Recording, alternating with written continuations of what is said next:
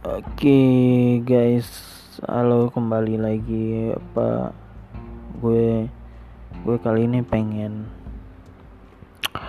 pengen ngobrol sih intinya sih. Jadi di episode 6 ini uh, gue nggak pakai skrip ya. Jadi apa ya gue pengen ngalir aja gitu. Jadi kali ini gue akan bahas mengenai ya isu-isu yang yang yang ada gitu loh yang yang sekarang lagi terjadi gitu.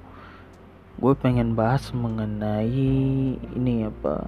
Oh omnibus law. Omnibus law. Ya itulah kayak gitulah. Gue juga agak susah ya ngomongnya. Cuman menurut gue di di episode kali ini nih karena gue nggak pakai skrip gue nggak buat skrip gue nggak lihat di laptop jadi gue pengen lepas lepas aja gitu. Omnibus law omnibus law sendiri menurut gue produk hukum yang di mana DPR RI sekarang mengeluarkan undang-undangnya ya. Ya omnibus law ini uh, undang-undangnya sih ya namanya undang-undang cipta kerja ya. Cuman bahasa Inggrisnya mungkin ya omnibus law. Ya koreksi kalau gue salah terus gue pengen ngobrol ngobrol mengenai orang-orang yang yang berpendapat bahwasanya kok kok demo itu harus berujung dengan perusakan ya. Terus kenapa sih turun demo? Terus yang paling gue kesel adalah kok kalian gak baca sih? Kalian gak baca fullnya? Udah baca eh sorry udah baca fullnya belum? Kok langsung main turun dan anarkis? Men uh, eh, gue nggak gue nggak bisa ngomong ya karena gue juga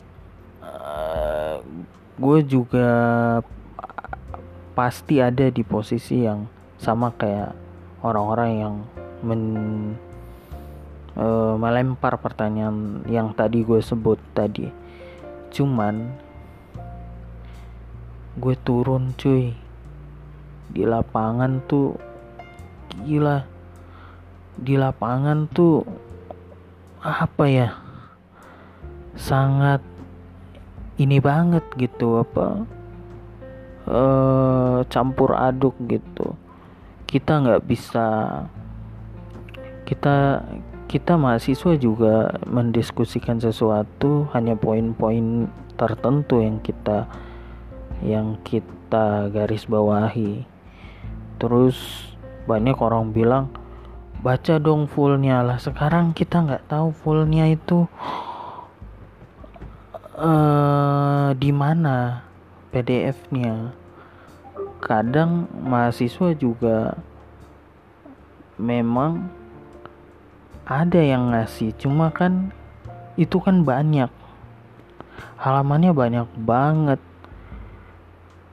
Sekarang kalau orang orang ngomong misalkan kok nggak baca full sekarang apa fungsinya apa fungsinya tuh? Kayak uh, ahli hukum yang ada di DPR RI apa fungsinya?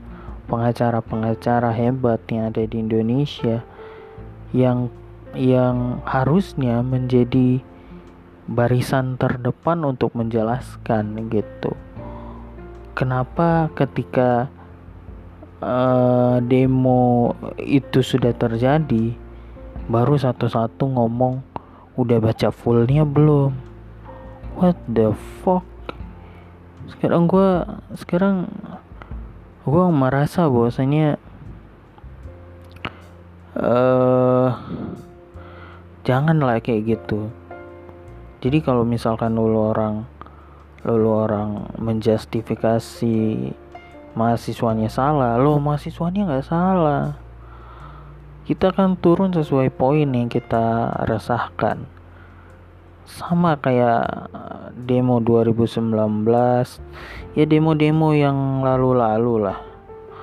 Demo-demo yang sudah lama terjadi di negeri ini ya sama. Orang nggak bakal baca semuanya.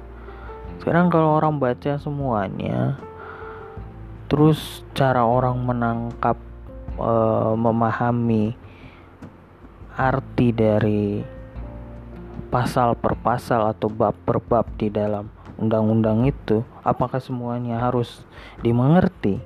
Kan nggak juga. Gue nggak rasa orang-orang yang kayak gini nih apa ya menurut gue agak-agak gue agak-agak kesel aja. It's okay kalau lu, lu orang marah tentang uh, perusakan dan lain-lain sebagainya. Sekarang uh, eh, gue lempar pertanyaan lagi demo apa yang yang yang berujung dengan damai? Gitu. Maksudnya de uh, sorry maksud gue demo apa yang ketika turun itu damai-damai aja. Nggak ada satu sama lain saling cekcok pasti ada demo yang dilaksanakan oleh Mahatma Gandhi. Walaupun demo itu eh, tampak kekerasan tapi tetap aja ada perlawanan dari polisi kan? Gue juga gue juga bingung sebenarnya gitu. Uh, contoh kedua demo yang terinspirasi dari Mahatma Gandhi yaitu demo yang di prakarsai oleh eh, dokter dokter eh, dokter Martin Luther King Jr.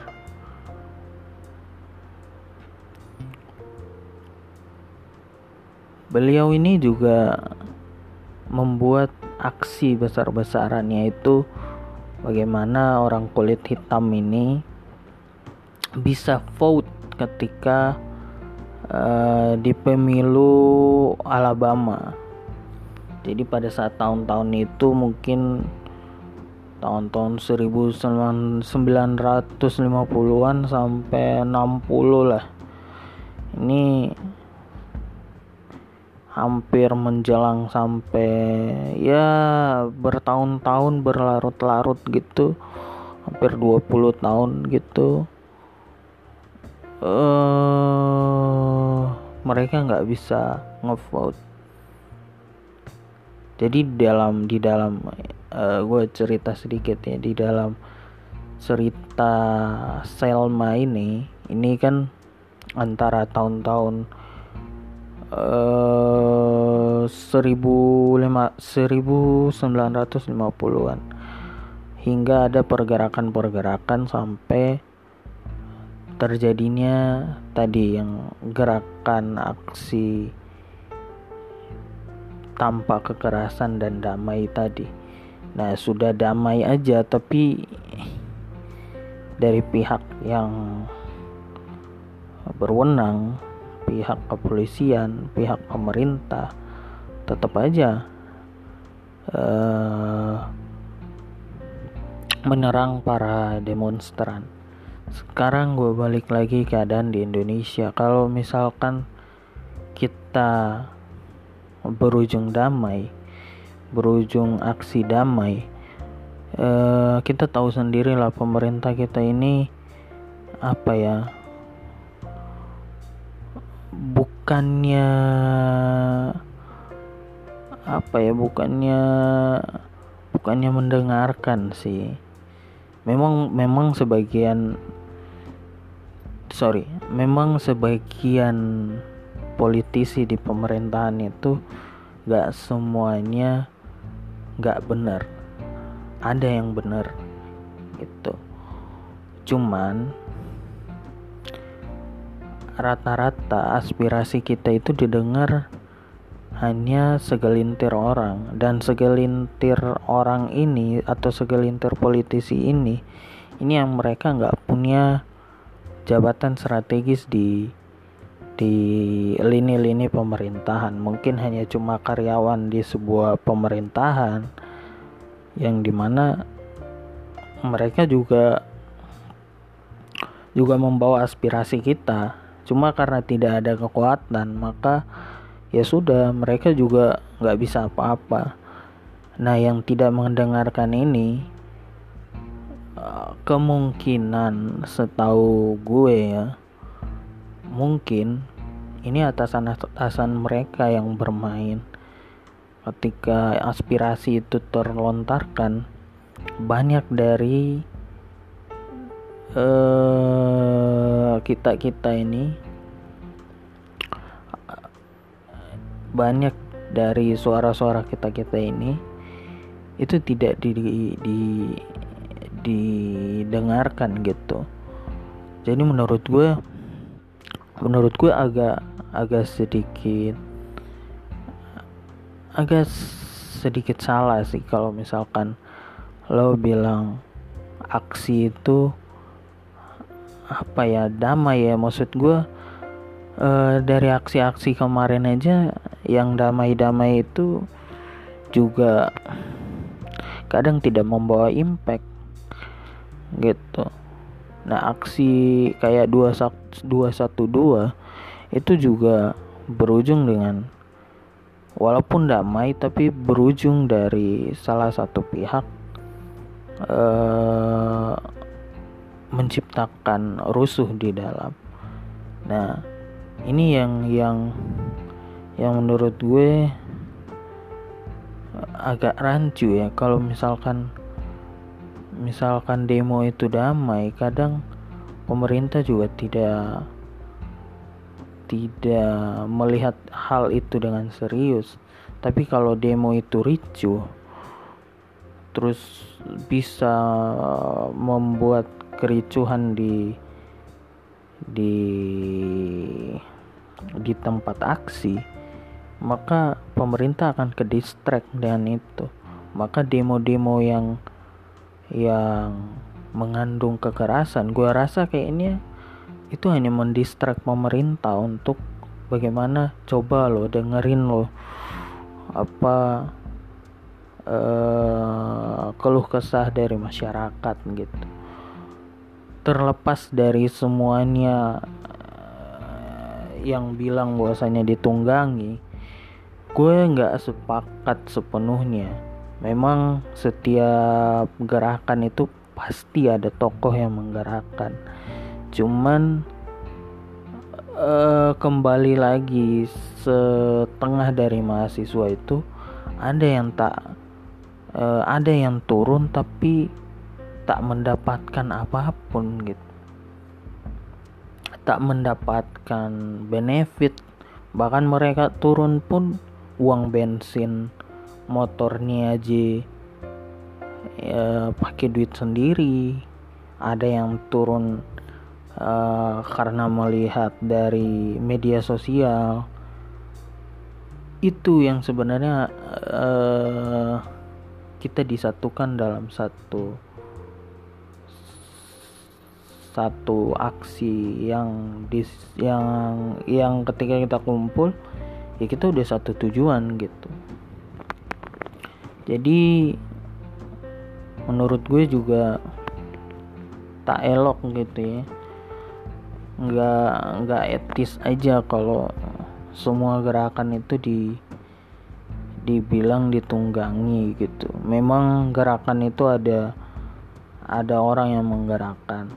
Cuman sekali lagi eh, kalau kita tidak aksi mungkin nasib dari undang-undang ini mereka hanya uh, mereka hanya kalau kita tidak turun aksi ya berarti ya DPR ini mereka hanya hanya santai aja gitu. Jadi mereka melihat masyarakat ah nggak ada aksi nih pasti pemikiran mereka kayak gitu. Ah nggak ada aksi berarti mereka berarti kalau tidak ada aksi berarti seluruh rakyat Indonesia itu sepakat atas undang-undang cipta kerja. Yang jadi persoalan adalah kalau kita sepakat maka pengusaha yang menang. Sekarang oke okay, pebisnis pebisnis ini kalau kita lihat dari dari secara logika mereka ini juga habis uang banyak. Cuman yang jadi persoalan adalah kalau kalian gue kasih contoh lah. Jadi uh, ini persoalan paling rumit sebenarnya. Sebenarnya ya rumit sih rumit sih menurut gue ya sebenarnya uh, kalau kalau gue kasih contoh lah contoh kasus lah ya. Misalkan lu mau bikin perusahaan lah perusahaan kecil-kecilan aja. Tapi uh, lu tuh hire orang tanpa bayar atau upahnya kecil lah mungkin karena lu nyewa gedung atau operasional lu udah keluar banyak maka lu nyewa orang juga uh, dengan harga yang sesuai Eh, sesuai budget lo gitu. Nah yang jadi yang jadi pertanyaan di sini ialah uh, it's okay kalau kita bayar orang dengan harga yang murah. Tapi cobalah kita telaah lagi. Apa ya bukan telaah sih sorry. Uh, cobalah kita lihat Eh, balik lagi kita lihat bahwasanya kebutuhan orang-orang kebutuhan orang ini uh, sangatlah beragam ya.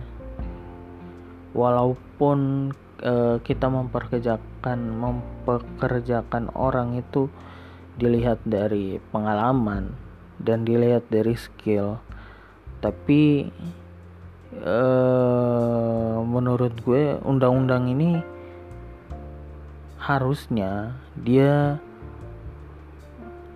melindungi ya, melindungi warga negara, melindungi buruh-buruh. Nah, yang jadi yang jadi persoalan di sini eh, isu yang yang kita dapat dari yang setahu gue ya yang gue kemarin turun juga aksi ya, gue lihat ya isu yang dimainkan mungkin uh, tentang gaji yang yang memang UMR tadi kan yang dihilangkan uh, itu aja kok sebenarnya yang yang di yang mereka pengen gitu kan. Harusnya UMR itu jangan dihilangkan. Itu aja sebenarnya. Gitu supaya ada gaji bulanan. Itu sih sesimpel itu mereka turun. Masih ada aja yang yang ngomong bahwasanya udah baca full belum. Ya sekarang kalau kita baca full emangnya semuanya ngerti gitu ya. It's okay lah kalau misalkan uh, tadi gue balik ke kasus yang gue ceritain tadi. It's okay lah misalkan kita gaji orang kecil tapi kan sesuai UMR itu kan orang juga akan seneng gitu kan. Orang pasti akan seneng gitu. Jikalau kita uh, gajinya per bulan kecil loh kok apa kan itu kan kesepakatan dari kedua belah pihak kan? Dari si bosnya sama karyawannya. Dan itu juga harus dipikirkan sama pemerintah terutama gaji-gaji buruh harian ya. Kalau misalkan orang-orang yang kerja uh, dia mempunyai skill atau mempunyai ijazah SM, SMK atau SMA atau S1 lah. Itu kan masih ada gaji bulanan ya. Kalau buru-buru kasar ini kan juga kita ini kadang mahasiswa ini juga uh, kalau menurut gue ya dari sudut pandang gue sebagai mahasiswa gue ikut organisasi juga di ber, uh, di kampus yang di mana gue sering mendapatkan keresahan secara pribadi sih dari gue sendiri. Bahwasanya buru-buru kasar ini juga harus dilihat gitu. Harus dilihat uh, mereka ini dapat iuran seberapa besar gitu. Kadang gue suka miris juga kalau mereka itu kalau misalkan mereka itu tidak kerja ya mereka nggak dapat duit Nah sekarang di dalam Undang-Undang Cipta Kerja sendiri uh, kita melihat di berbagai media lah ya yang menjelaskan tentang Undang-Undang Cipta Kerja. Mungkin gue nggak sepenuhnya uh, mempercayai media karena kebanyakan media juga uh, apa ya banyak hoaxnya gitu ya. Cuman sekali lagi kita ini mau mau mempercayai siapa lagi kalau bukan media yang yang yang menjelaskan hal itu gitu jadi di media sendiri yang menjelaskan bahwasanya uh, buru-buru ini mereka hanya menuntut masalah UMR sebenarnya. Terus yang kedua mereka juga menuntut bagaimana pekerja asing atau tenaga kerja asing TKA yang yang bebas bisa datang ke Indonesia. Dan ini yang mereka menghawat yang yang mereka khawatirkan gitu. Yang mereka khawatirkan ketika uh, pekerjaan yang di tengah pandemi ini aja banyak yang dipecat. Kenapa kok TKA ini kok di dalam undang-undang cipta kerja ini kok di di di loss supaya mereka bisa datang ke Indonesia? Sekarang sekarang yang jadi persoalan kedua itu sebenarnya persoalannya banyak sih gue juga nggak ngerti ini pemerintah ini gimana cara sistemnya gitu ya. Uh, persoalan ke ke berikutnya gue nggak bisa sebut kedua atau keberapa ya. Persoalan setelah setelah TKA ini muncul persoalannya gini. Kita itu di Indonesia itu uh, menurut gue ya masih kurang kurang peka terhadap pekerja-pekerja atau orang-orang yang akademisi yang sudah lulus yang ya mereka nyari kerja aja susah banget. Terus yang kedua uh, kenapa pemerintah nggak melihat mereka? Gitu. Nantinya nantinya kalau mereka ini ke kerja di luar negeri nantinya ada sesuatu yang yang salah dari pemerintah. Jadi jadi sebenarnya banyak banget sih persoalan-persoalan yang cipta kerja gini gitu kan. Kita juga gue juga dengan ilmu yang terbatas sorry ya.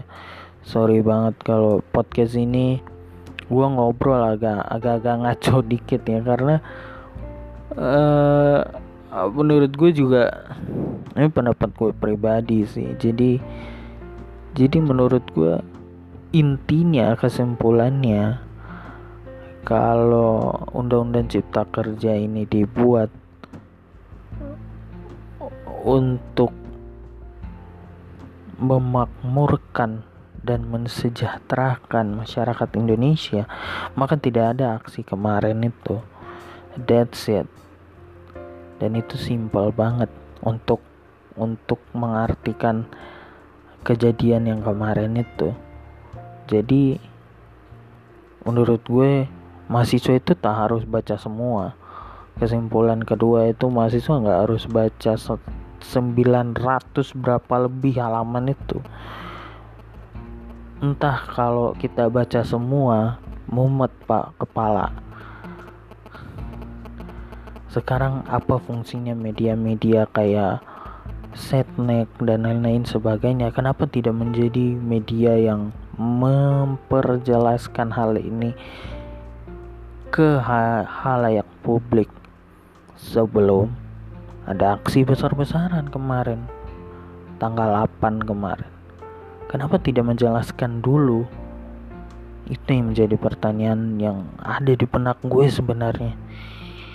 Terus yang ketiga kesimpulan yang ketiga uh,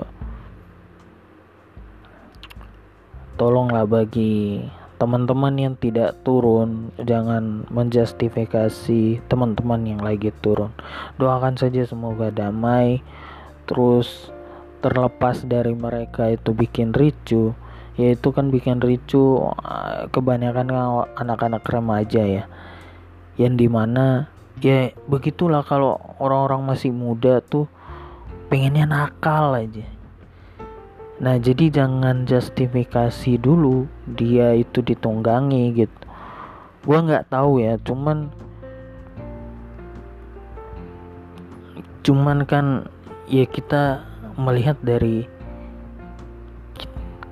dari hal yang simpel aja kalau misalkan mereka begitu ya ya paling ya ya ya nggak nggak jauh-jauh dari dari mereka pengen bikin ricuh aja gitu. Hanya bikin rame aja gitu. Jadi jangan langsung jangan langsung menyalahkan gitu. Kadang kadang gue juga kadang gue juga di lapangan juga kadang mikir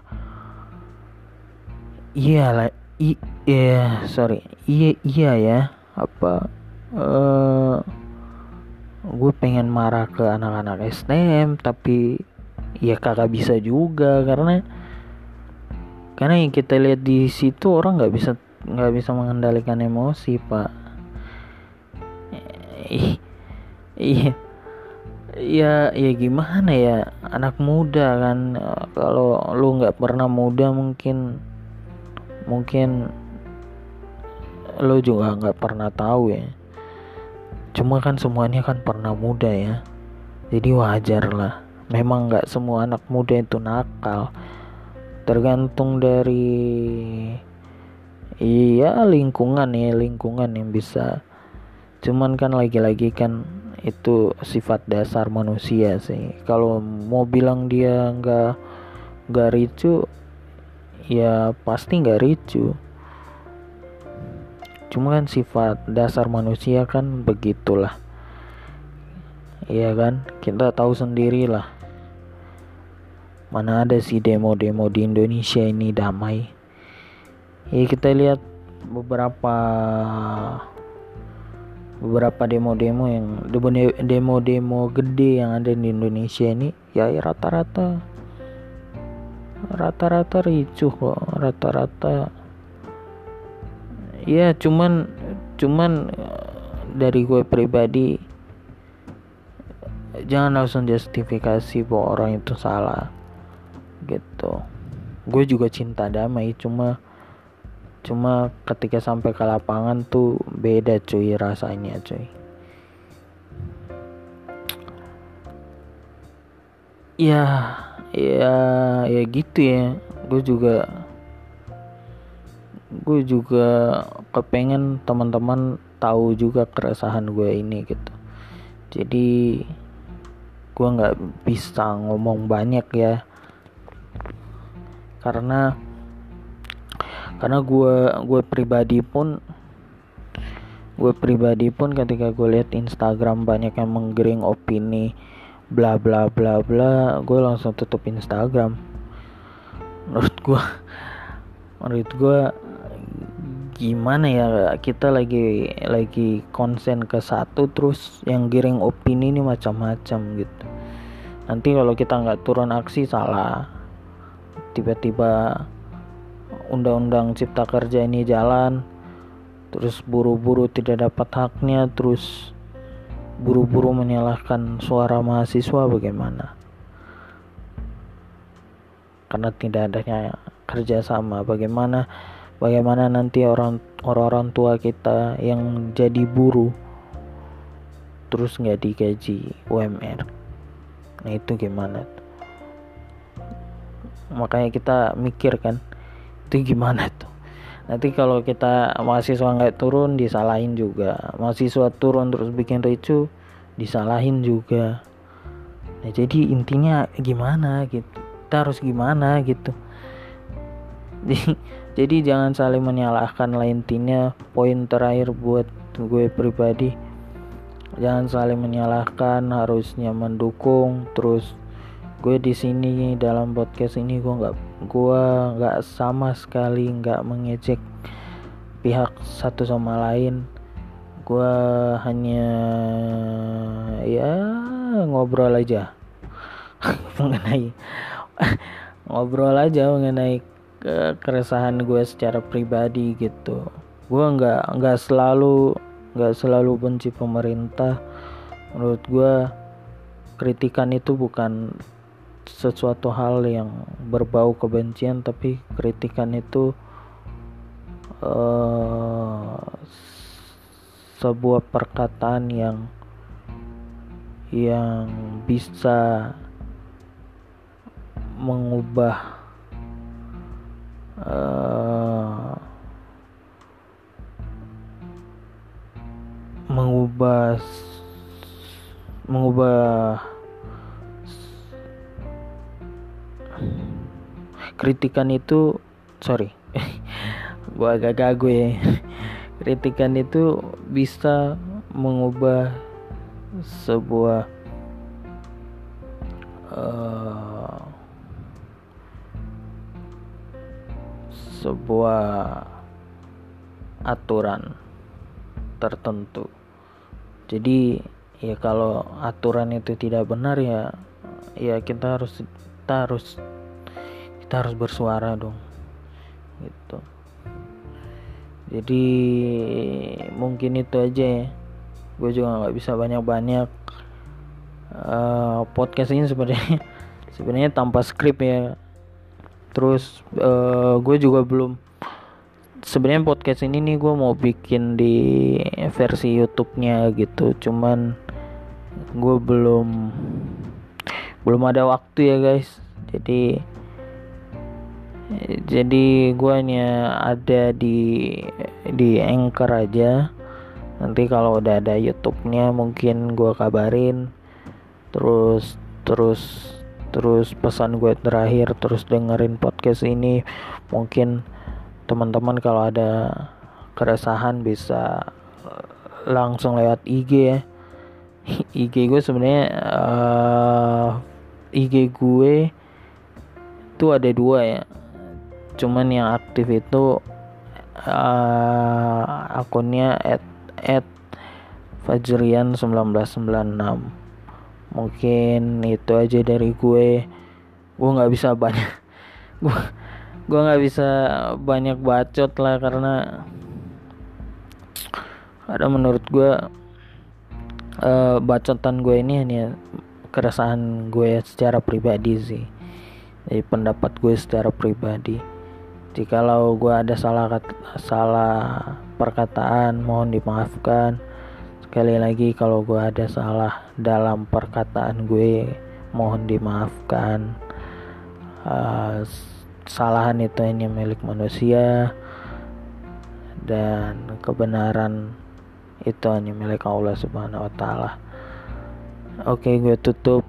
Assalamualaikum warahmatullahi wabarakatuh.